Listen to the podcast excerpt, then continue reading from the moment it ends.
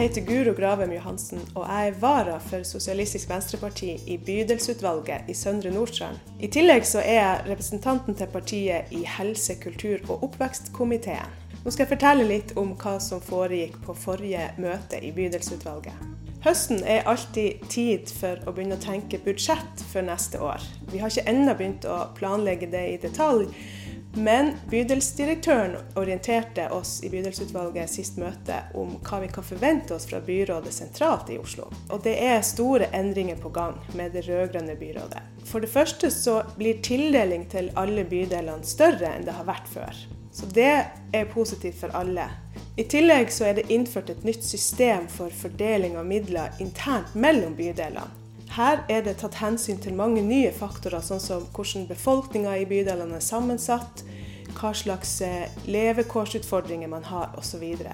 For vår bydel er dette veldig positive nyheter. Vi er den bydelen som, kommer, som får mest størst positive endringer fra tidligere års tildelinger.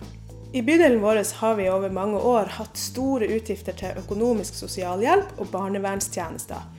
Dette har gitt oss eh, underskudd hvert eneste år, og et etterslep som gjør at vi liksom aldri helt kommer i null. Men med de positive rammeendringene i økonomien, så håper vi at dette etterslepet blir mindre og mindre, og at vi skal klare å forbedre økonomien i bydelen. Det har jeg god tro på. SV har jo helse- og omsorgsbyråden i Oslo kommune. Og det er en del ting som denne sektoren satser på framover, som jeg har lyst til å nevne spesielt. Og det er særlig barnevern og eldre. I barnevernet så kommer det masse friske midler eh, som handler om forebygging. At man følger opp nye familier, altså førstegangsforeldre, på en helt annen måte.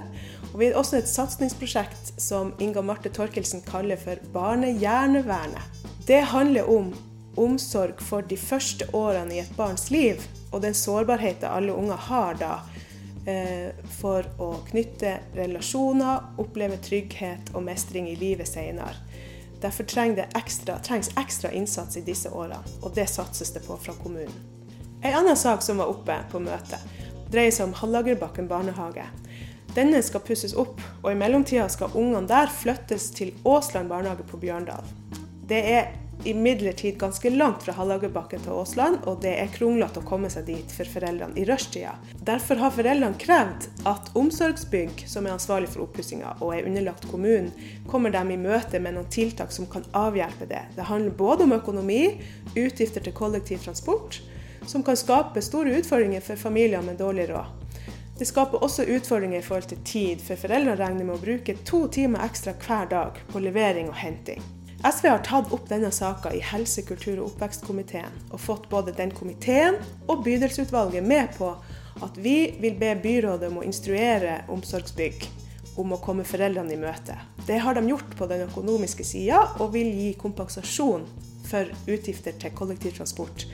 Men vi ønsker også at de skal prøve å avhjelpe tidsproblematikken med å sette opp en maxitaxi kanskje, eller en minibuss som kan pendle mellom Hallagerbakken og Åsland. I vår bydel har det over mange år vært viktig å forebygge kriminalitet og hærverk og sosial uro. Eh, og vi har erfart at eh, tilstedeværelse av politiet har fungert veldig fint. Politiet er flink til å drive med utadretta og forebyggende virksomhet overfor kanskje særlig belasta ungdommer. Høyre i Søndre Nordstrand har tatt opp en sak som har blitt behandla i helse-, kultur- og oppvekstkomiteen og i bydelsutvalget, nemlig at vi ønsker at det etableres en politipost på Mortensrud. Nettopp fordi at vi ser at tilstedeværelse hos politiet virker, eh, virker forebyggende og skaper ro. Derfor har bydelsutvalget i Søndre Nordstrand sendt en henvendelse til byrådet sentralt med et sterkt signal om at dette er noe vi ønsker.